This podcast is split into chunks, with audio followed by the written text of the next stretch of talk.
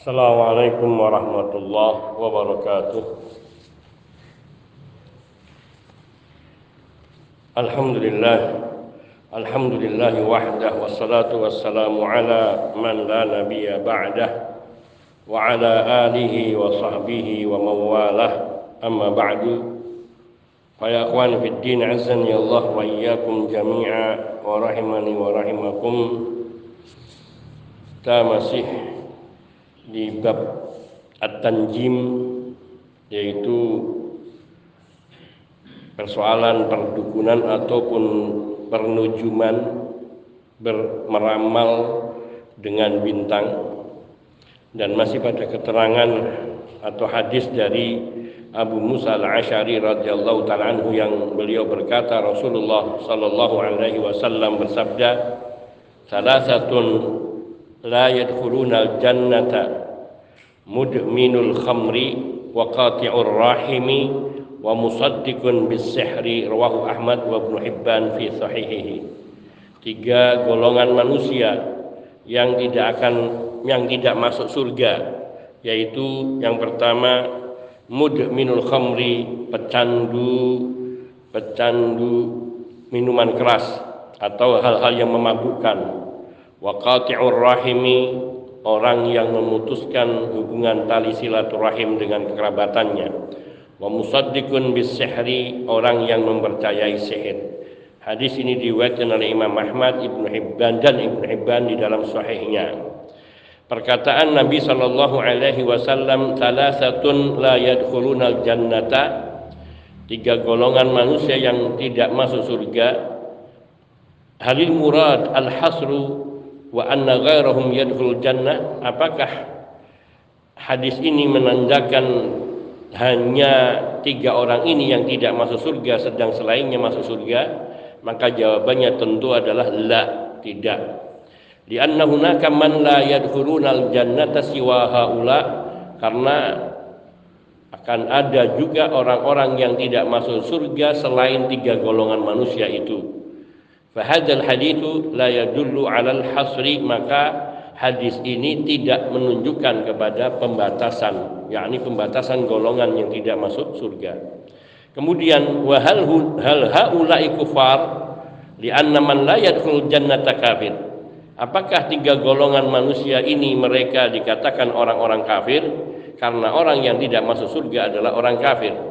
Maka di sini ada perbedaan pendapat di kalangan para ulama. Ikhtalafa ahlul ilmi fi hadzal hadis wa ma yushbihuhu min ahaditsil wa'id ala aqwal. Para ulama mereka berselisih mengenai hadis dan juga hadis-hadis yang serupa ini. Hadis ini dan juga hadis-hadis yang serupa dengan hadis ini yang berkaitan dengan hadis-hadis ancaman kepada beberapa pendapat. Al-qaulul awal pendapat pertama madhabul mu'tazilati wal khawarij alladziina ya'khuduna bi nususil wa'id fayarawna al-khuruj minal iman bihadhil ma'siyah. Madhab Mu'tazilah, aliran Mu'tazilah dan juga Khawarij, yaitu mereka yang memegangi nas-nas ancaman yaitu berpegang kepada dalil-dalil dari Al-Qur'an maupun hadis yang sifatnya ancaman seperti hadis ini tiga golongan manusia tidak masuk surga. Ini ancaman.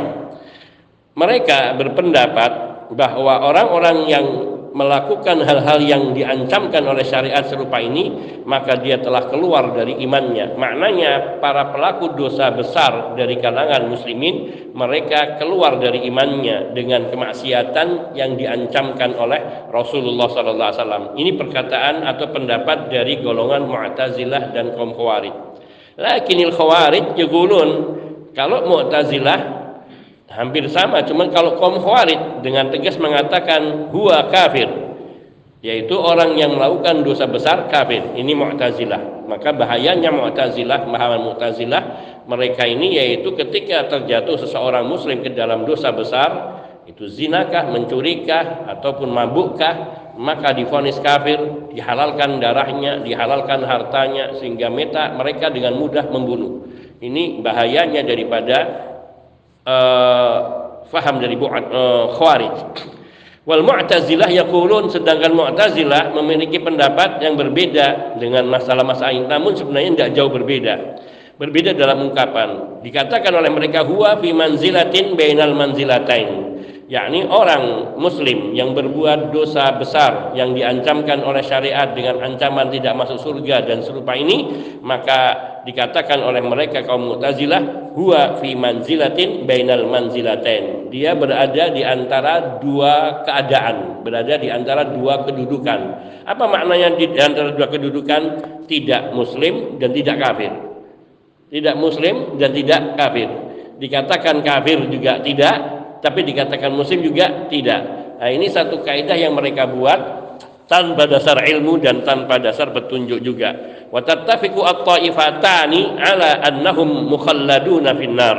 Namun kesamaan dari dua kelompok ini yaitu kelompok Khawarij dan Mu'tazilah, mereka semua bersepakat bahwa orang-orang yang berbuat dosa-dosa yang diancam dengan neraka, mereka kekal di dalam neraka. Maka sebenarnya sama Mu'tazilah meskipun mengatakan tidak mengatakan kafir, tapi ketika dia sudah memfonis bahwa seseorang ini kekal di dalam neraka, berarti dia menganggapnya kafir. Hanya tidak memberikan pernyataan secara tegas dan lugas. Hanya malu-malu istilahnya, mau mengatakan kafir dengan tidak. Sedangkan Khawarij sebaliknya, kafir. Pokoknya orang berbuat dosa besar kafir, tidak berhukum dengan hukum Allah kafir. Semua dikafirkan setiap pelaku dosa besar dari kalangan kaum muslimin. Memang benar ada amalan-amalan dari amalan kaum amalan-amalan uh, dari perbuatan-perbuatan yang bila dilakukan itu bisa menghilangkan keimanan. Namun itu semua dengan ketentuan-ketentuan yang ditetapkan oleh syariat eh, dan diterangkan oleh para ulama. Fayujuruna hadzal hadis wa nahwahu ala zahirihi. Mereka kaum Mu'tazilah dan kaum Khawarij memberlakukan hadis serupa ini seperti hadis salah satu layat kurunal jannah tiga golongan manusia yang tidak masuk surga mereka memberlakukan hadis ini sebagaimana zahirnya menghukumi orang sebagaimana yang zahir dari hadis-hadis ini wala ahadis al ukhra ala anna man fi qalbi iman wa in qalla fa la budda jannata.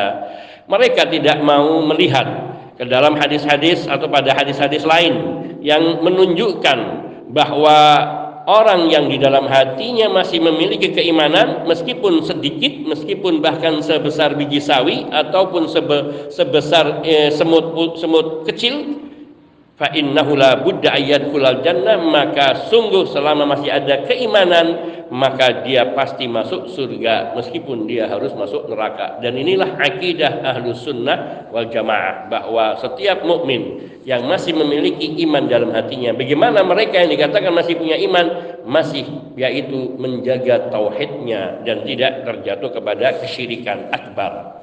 Al-qaulu pendapat golongan kedua أن هذا الوعيد في من استحل هذا الفعل بدليل النصوص الكثيرة الدالة على أن من في قلبه إيمان وإن قل فلا بد أن يدخل الجنة وهذا القول ليس بصواب Kelompok kedua berpendapat bahwa ancaman di dalam hadis ini hanya bagi orang yang menghalalkan perbuatan-perbuatan ini.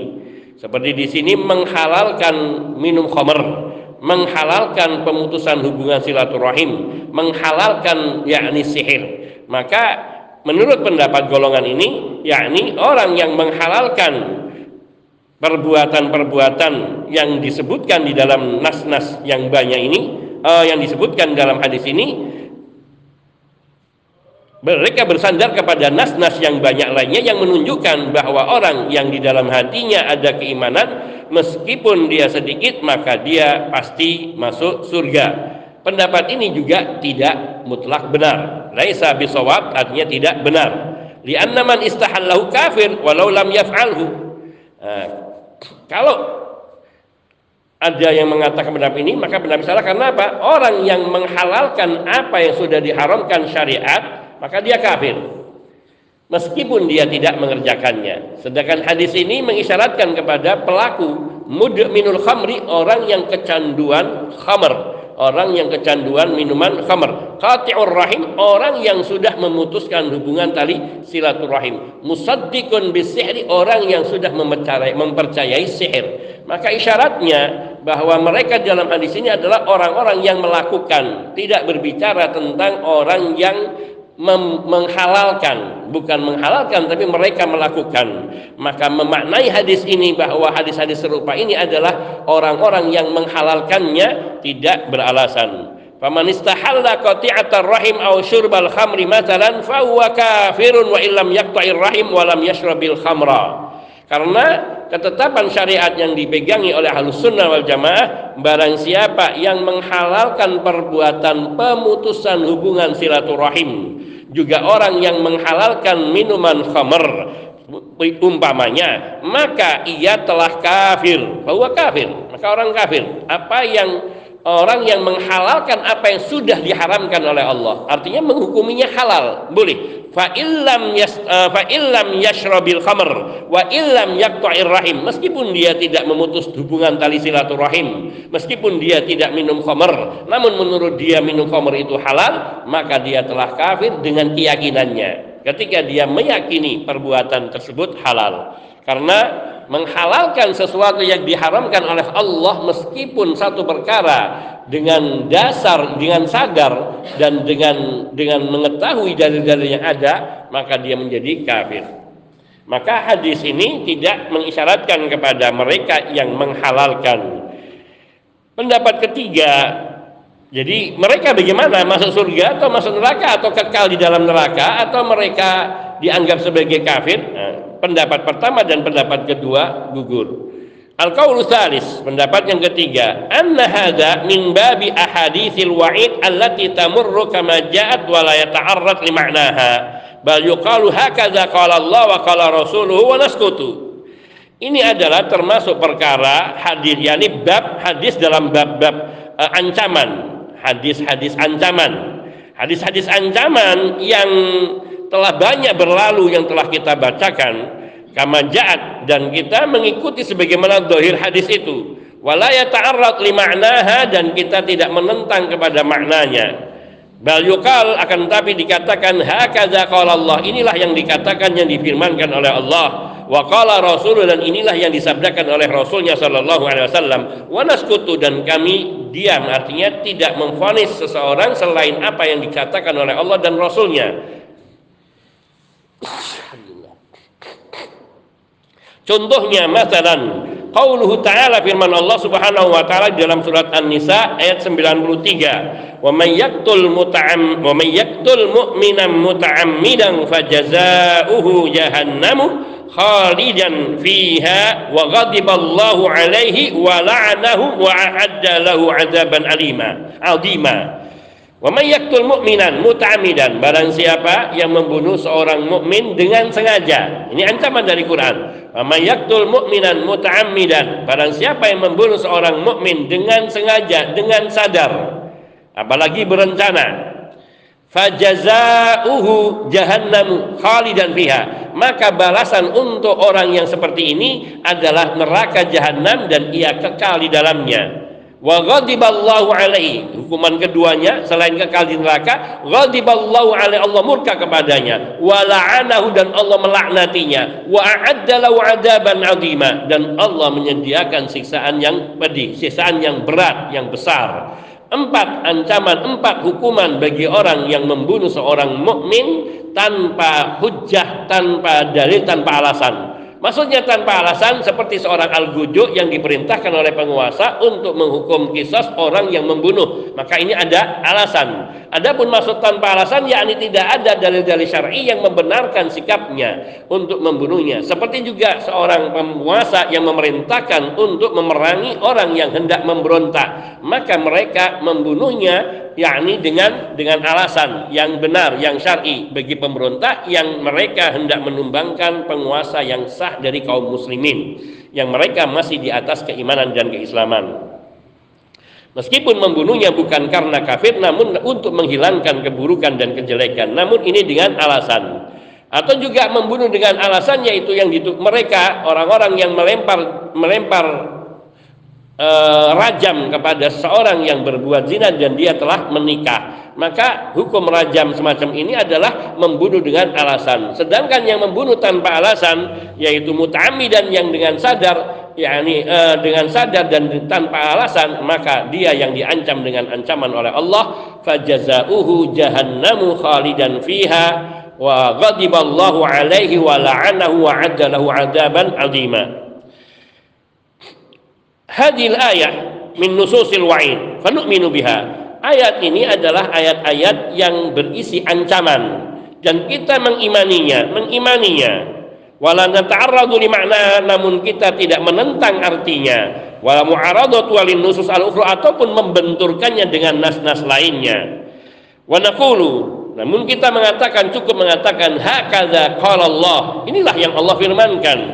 Wallahu a'lam bima arada dan Allah yang maha mengetahui apa yang Allah kehendaki dengan firman-Nya ini Wahada madhabu kathiri salaf. Cara ini adalah cara atau metode yang dipegangi oleh kebanyakan kaum salaf, yaitu para sahabat, para tabi'in, mereka para a'immah memegangi cara seperti ini, menghukumi berdasarkan apa yang Allah firmankan tanpa membenturkan dan tanpa menentang, membenturkan dengan ayat-ayat lain, dalil-dalil lain dan tidak pula menentangnya. Kama Kamalik wa ghairi seperti pendapatnya Imam Malik dan juga yang lainnya. Wa hadza ablag fi zajar dan yang demikian ini lebih lebih kuat untuk menekannya ataupun me, me, me, me, mencelanya. al qaul rabi pendapat yang keempat anna hadza nafyu mutlaqin bahwa ini adalah nafyu mutlaqin yaitu peniadaan secara mutlak. Peniadaan secara mutlak artinya layat yadkhuluna jannata tidak akan masuk surga wal mutlaku wan nafyul mutlaku yuhmalu alal muqayyad maka nas-nas yang mutlak seperti ini, nafyu mutlak seperti ini, pelarangan atau peniadaan secara mutlak seperti ini harus dibawa kepada nas-nas yang muqayyad, yakni yang memberikan ketentuan-ketentuan. Fayuqalu maka dikatakan Dikatakan la yadkhuluna jannata dukhulan mutlaqan. La yakni la yasbiqu azab. Walakin naum yadkhuluna jannata dukhulan yasbiqu azabun biqadri dunubihim. Fayuqalu la yadkhuluna jannata dukhulan mutlaqan. Mereka tidak masuk surga secara mutlak. Masuknya maksudnya masuk surga secara mutlak orang masuk surga tanpa siksa langsung masuk surga. Nah, mereka tidak bisa masuk surga secara mutlak. Artinya bahwa maksudnya la yasbiku adab, yaitu orang yang masuk surga mutlak secara mutlak itu duhulan mutlakan la yasbiku adab tidak didahului oleh adab. Walakinnahum akan tetapi mereka yang minum khamr, yang memutuskan tali silaturahim dan juga orang yang mempercayai sihir saja, maka mereka akan disiksa tapi yasbiquhu adzabun mereka nanti kelak akan masuk masuk surga. Ya dukhulunal jannata dukhulan. Dia akan masuk surga suatu saat nanti. Yasbiqu adzabun biqadri dunubim namun mereka akan lebih dahulu disiksa di dalam neraka sesuai dengan kadar dosa yang mereka lakukan yang mereka miliki. Nah inilah pendapat ahlu sunnah wal jamaah Thumma marja'uhum ilal jannah. Namun akhirnya mereka akan kembali kepada surga. Wadzalika yang demikian ini dikatakan demikian ini dimaknai ditakwilkan serupa ini li anna nusus syar'i yusaddiqu ba'duha ba'dan.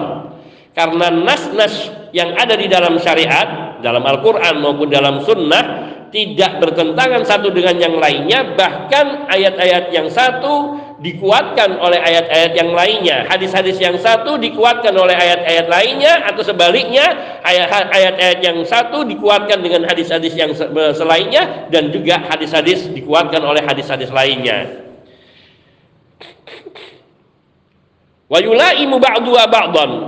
Juga hadis-hadis syariat seperti ini atau dalil-dalil syariat seperti ini sebagiannya selalu akan mencocoki dan sesuai dengan yang lainnya dan inilah juga makna firman Allah walau kana min ghairi indillah lawajadu fihi ikhtilafan katsira. Sekiranya di dalam kitab suci Al-Quran maupun secara umum syariat Islam itu bukan datangnya dari Allah, tentu akan didapati di dalamnya pertentangan dan perkontradiksi yang banyak. Maka sungguhnya nas-nas yang sahih dari hadis-hadis Nabi yang sahih ataupun Al-Quran satu dengan yang lainnya tidak mungkin hukumnya syariatnya saling bertentangan bahkan akan saling cocok dan saling membenarkan. Dan inilah pendapat yang kuat dari ahlus sunnah wal, wal jamaah. Wa hadha aqrab ila al-qawaid wa abyan hatta la tabqa dalalatun nususi ma'lumatin. Dan ini artinya pendapat yang keempat ini adalah pendapat yang paling mendekati kepada kaidah-kaidah yang ditetapkan oleh syariat. Dan lebih jelas tampaknya lebih terang wal hatta la tabqa dalalatun nusus sehingga nas-nas yang ada penunjukan dalil-dalil nas yang ada ghairu e, latab kok ghairu maklumat tidak dalam kondisi e, latab kok e, maklumatan tidak dalam kondisi tidak diketahui artinya artinya bahwa ketika Allah mengatakan layat hulunal jannata tidak masuk surga, maka dilihat siapa yang dikatakan dia masuk surga. Bila mereka adalah pelaku-pelaku dosa besar, maka mereka masih punya harapan masuk surga. Namun mereka akan terancam dengan neraka terlebih dahulu kecuali mereka bertobat sebelum akhir hayatnya. Nah, ini semua terkait hadis-hadis dan ayat-ayat ini satu terkait bahwa orang yang berbuat dosa besar yang kemudian dia tidak bertobat, maka dia akan masuk ke dalam neraka selama khalidan khalidan meskipun dikatakan kekal, makna khalidan itu tidak menunjukkan arti selama-lamanya kecuali dalam khalidina fiha abadan. Maka ketika ada penunjukan khalidina fiha abadan sekal di dalamnya selama-lamanya maka dia tidak akan keluar seperti digaskan ayat-ayat lain la yakhrujuna anha hewala atau uh, la yakhrujuna minha. Mereka tidak akan keluar daripadanya. Maka penegasan ini mereka yang akan kekal yaitu orang-orang yang kafir dan orang-orang musyrikin akbar. Adapun dosa pelaku-pelaku dosa besar mereka akan masuk neraka. Maka penyebutan khalidina fiha mereka kekal di dalamnya yakni dalam maknanya mereka akan diancam dengan siksaan di dalam neraka dalam kurun waktu yang lama dan semua semua siksaan di dalam neraka waktunya lama. Kenapa? Yaumu yaumun inda rabbika ka alfi sanatin mimma taudun. Satu hari hitungan akhirat di sisi Rabbmu itu sama dengan seribu tahun di sisi kalian. Siapa yang di dunia ini di zaman kita yang hidup seribu tahun? Itu kalau hanya siksaan satu hari. Bagaimana kalau seseorang itu dihukum siksa seri, se, se, satu tahun di hitungan akhirat? Maknanya dia akan disiksa 365 ribu tahun. 365 tahun ini sudah menunjukkan kepada arti khalidina fiha khalidina fiha kekal di dalamnya maka ini suatu ancaman yang keras dari Allah Subhanahu wa taala. Maka satu dalil ini tidak berdiri sendiri namun dia saling ditopang dan menopang hadis-hadis ataupun dalil-dalil ayat-ayat Quran yang lainnya. Maka inilah yang dimaksudkan bahwa metode mempertemukan kepada makna-makna yang mukayyad kepada makna-makna yang makna-makna yang mutlak dipertemukan dengan makna-makna yang mukayyad akan melahirkan hukum yang lebih tepat kepada kaidah dan lebih jelas. Jazakallah khairan. Fataqayyadun nusus ba'du fatuqayyidun nususu ba'duha bi ba'din. Sehingga setiap nas-nas ataupun nas-nas yang ada di dalam Al-Qur'an maupun hadis satu dengan yang lainnya saling terikat tidak bisa berdiri sendiri. Dan inilah yang dipegangi oleh para ulama. Jadi di sini mudminul khamrin meskipun dikatakan dia layak surul jannata kalau dia tidak menghalalkan khamr dia tahu bahwa khamr itu haram. Namun dia meminumnya karena hawa nafsunya karena tidak bisa mengendalikan dirinya. Dan dia terus menerus melakukannya maka dia diancam dengan tidak masuk surga. Artinya tidak bisa masuk surga secara langsung. Namun dia harus melalui siksaan-siksaan terlebih dahulu. Yang itu lamanya Allah lah yang maha tahu.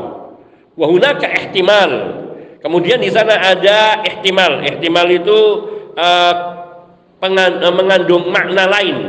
Makna-makna yang terkandung di dalam hadis ini. Anna man kanat hadhi halu hariyun ayuhtama lau bisu'il khatimah fayamutu kafiran. Satu yaitu kemungkinan yang mungkin terjadi berdasarkan hadis ini bahwa orang yang kondisinya seperti ini suka minum khamr kemudian qati'ur rahim suka memutuskan hubungan tali silaturahim. Musaddiqun bis sihri suka percaya terhadap ilmu-ilmu sihir ataupun perdukunan dan perisihiran semacam ini atau pernujuman.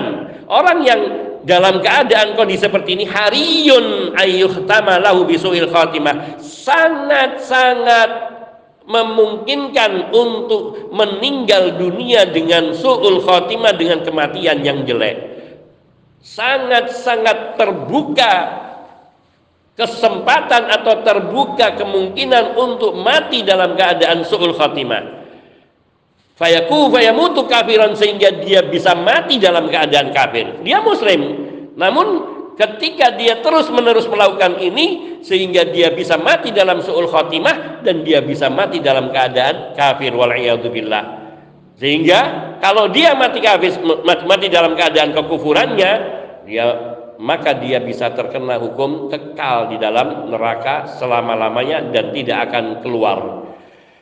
Fayakunu hadzal wa'idu bi'tibari ma ya'ulu haluhu ilaihi wahina idin la yabqa fil mas'alati iskal. Maka maka ancaman-ancaman serupa ini di dalam hadis bi'tibari ma ya'ulu haluhu ilaihi yakni dengan melihat akibat guru yang akan terjadi bagi kesudahannya Itulah yang terjadi. Artinya orang yang banyak minum khamar, orang yang suka memutuskan tali silaturahim, orang yang suka percaya kepada sihir dan tidak bertaubat sampai akhir hayatnya, bisa mereka mati dalam keadaan kafir dan tidak akan masuk surga. Nah, ini mengandung kemungkinan semacam itu dan inilah kemungkinan yang bisa terjadi pada pelaku-pelaku dosa besar yang seperti ini tanpa ada penyesalan.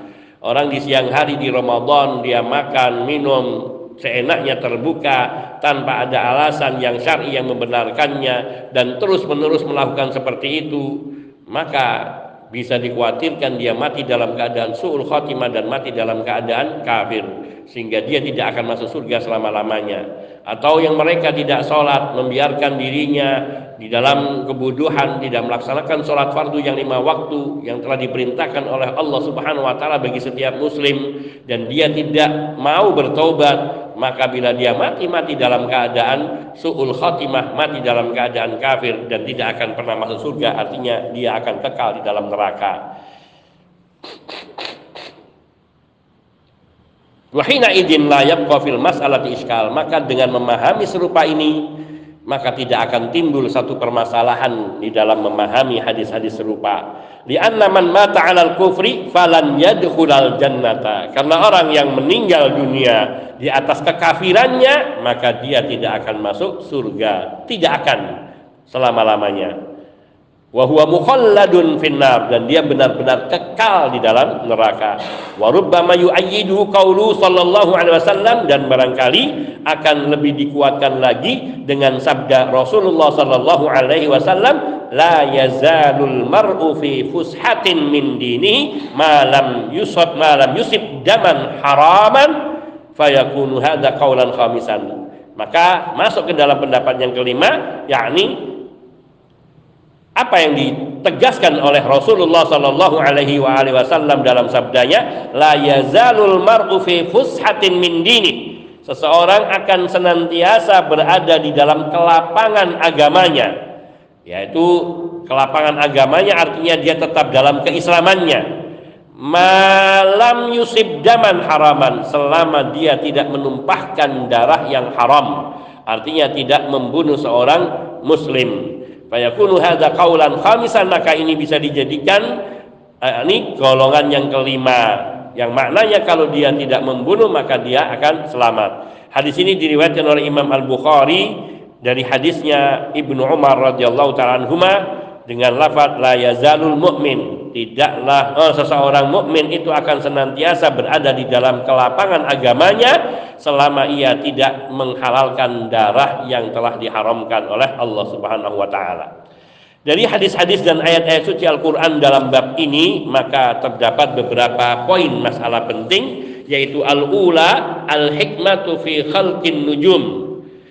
Ada hikmah yang disebutkan oleh Nabi Shallallahu alaihi wasallam maupun Allah Subhanahu wa taala yakni dalam penciptaan bintang bahwa bintang-bintang ini tidak diciptakan untuk suatu yang sia-sia.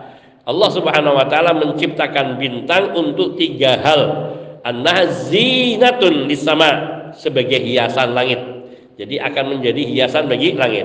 Warujumun lisyayatin. Yang kedua untuk menyerang, melempar syaitan-syaitan yang berusaha mencuri berita langit.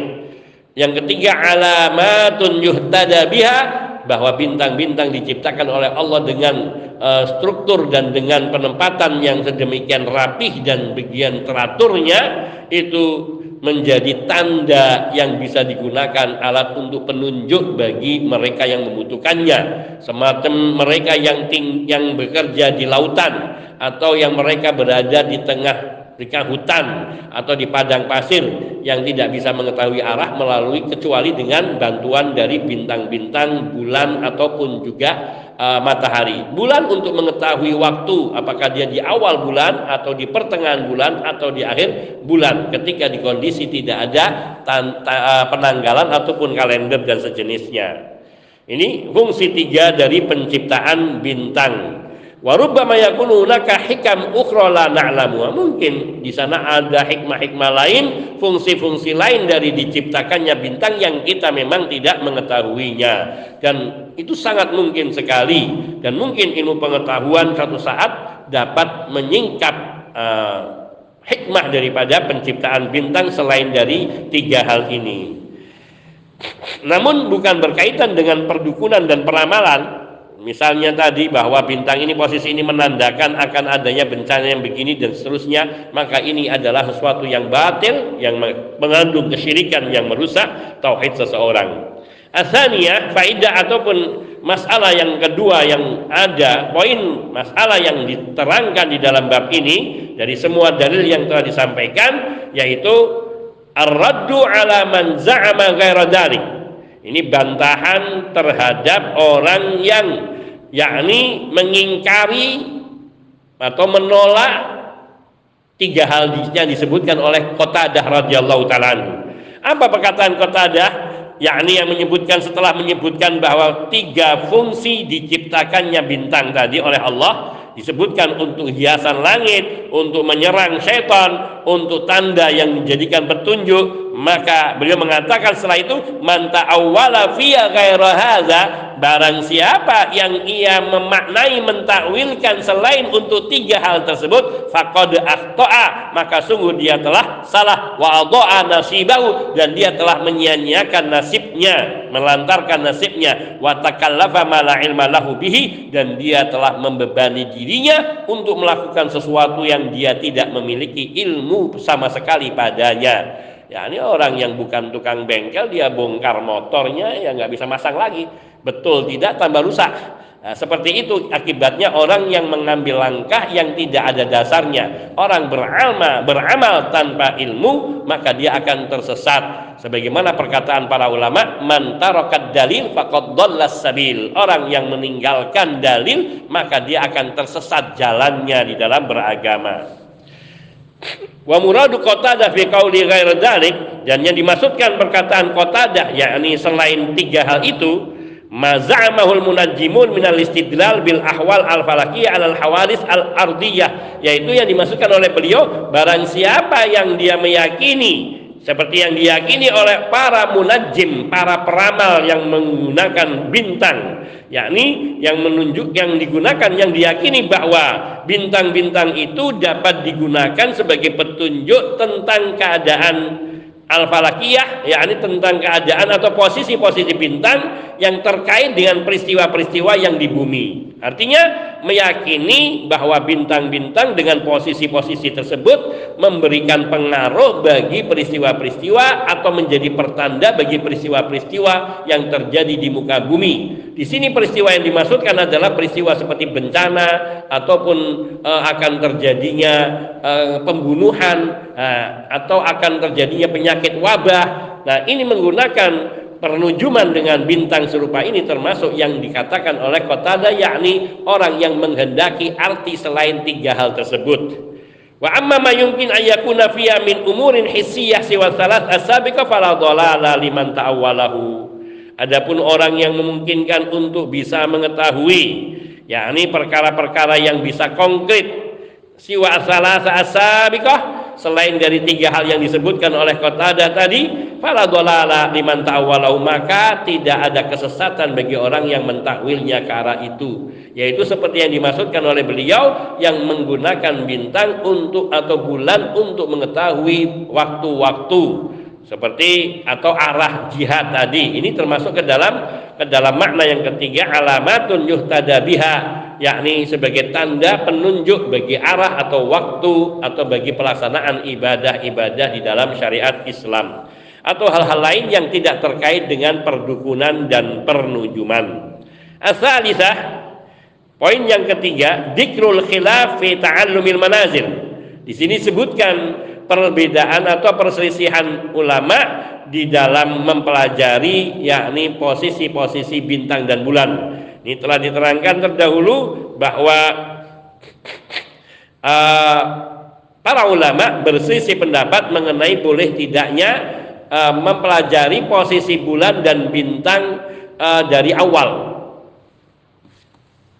Posisi bulan di awal bulan, di hari kedua, hari ketiga dan seterusnya yang itu kemudian dijadikan sebagai petunjuk pertanda untuk digunakan mengenai musim misalnya. Musim surut atau pasang atau juga ini menandakan akan musim seperti mata uh, seperti bulan itu menandakan masuknya bulan apa bulan apa maksudnya bukan bulan matahari atau bulan nama bulan-bulan hari-hari itu ini bahwa bulan ini dengan posisi bulan seperti ini bisa menjadikan ataupun bintang seperti ini menandakan bahwa ini mulai masuknya musim dingin atau musim hujan atau musim nah, ini ini diperselisihkan oleh para ulama. Ini namanya ta'allumul manazil, mempelajari uh, letak-letak bulan di dalam sepanjang tahun. Itu oleh sebagian ulama makruh. Tidak haram secara mutlak tapi makruh karena nanti akan dijadikan sandaran kalau bulan ini pasti uh, musim ini pasti padahal tidak tidak mesti. Seperti sekarang saja termasuk sebenarnya masuki bulan-bulan yang mestinya musim panas. Namun kita juga mengalami masa musim dingin dan Allah berbuat dengan sekendaknya maka mereka memakruhkan mempelajari itu. Ada sebagian ulama yang membolehkan karena itu memberikan manfaat terutama untuk menunjuk waktu. Namun tidak boleh dijadikan sebagai patokan. Tidak boleh dijadikan sebagai patokan. Hanya sebagai ancang-ancang. Sehingga dulu peramalan e, perakiraan cuaca dulu namanya ramalan cuaca diganti dengan perakiraan cuaca yang mengisyaratkan hanya perkiraan ini musim hujan atau ini akan turun hujan karena akan ada angin kencang sekitarnya. Ini semua dengan cara mempelajari letak-letak bulan, bintang dan pergerakan pergerakan angin dan sebagainya, awan dan angin yang dengan dibantu dengan alat-alat yang modern yang telah dipersiapkan. Ini ada khilaf di antara ulama mengenai hal itu, antara makruh dengan dengan mubah, antara makruh dengan mubah. Namun juga. Juga sebagian ada yang mengharamkannya. Wallahu taala alam. Yang keempat terakhir al-wa'idu fi man saddaqa bi syai'in minas sihri walau arafa annahu batil. Ada ancaman di dalam pembahasan bab ini ada ancaman terhadap diri orang yang membenarkan sesuatu saja dari perkara-perkara sihir. Membenarkan artinya mempercayai sesuatu dari perkara sihir Walau arafa anau batil meskipun dia tahu itu batil.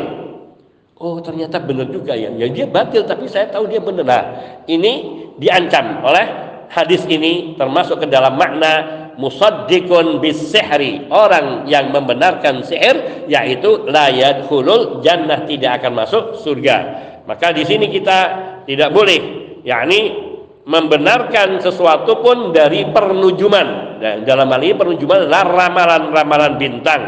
Man saddaqa bi syai'in minat tanjim aw ghairi minas sihri bi lisani walau i'taqada butlanahu bi qalbihi fa inna 'alaiha dal wa'ida. Barang siapa yang mempercaya sesuatu saja dari pernujuman peramalan atau selain daripada pernujuman namun termasuk ke dalam kategori sihir meskipun dengan lisannya Jazakallah khairan barakallahu fiik. Meskipun dengan lisannya walau i'taqada butlanahu biqalbi meskipun hatinya meyakini batilnya amalan ini fa inna alaihi hadzal wa'id maka sungguhnya dia terkena ancaman hadis Nabi sallallahu alaihi wasallam di atas. Kaifa yusaddiq wa huwa ya'rif annahu batil? Bagaimana mungkin orang itu sampai bisa percaya terhadap sesuatu yang dia yakini batil? Dan ini maka meskipun dia mengatakan ah ini batil, tapi kan nggak ada salahnya kalau nah ini mempercayai. Dan banyak orang kita yang kayak gitu, suka kayak gitu. Saya tahu ini batil, tapi kan ada ada maslahatnya, ada ininya. Nah, ini termasuk yang terkena ancaman hadis Nabi Shallallahu Alaihi Wasallam yaitu la yadkhulul jannah Li'annahu kenapa di di diancam ini li'annahu yuaddi ila igra'in nasi bihi bi ta'allumihi wa bi mumarasatihi. Karena orang yang tahu dia ini batil namun dia mempercayainya, membenarkannya, itu akan mendorong orang lain untuk juga ikut mempelajarinya dan juga melakukannya, mempraktekannya. Dan inilah yang diharamkan. Hadza naktafi wa insyaallah nanti kita akan masuki bab baru yaitu bab fi al istisqa'i bil anwa meminta hujan melalui bintang-bintang juga. Yang ini insyaallah akan kita bahas pada pertemuan berikutnya biidznillah taala kalau tidak ada halangan Besok mungkin saya libur. Kalau tidak ada halangan, besok mungkin libur dulu sampai hari besok hari apa?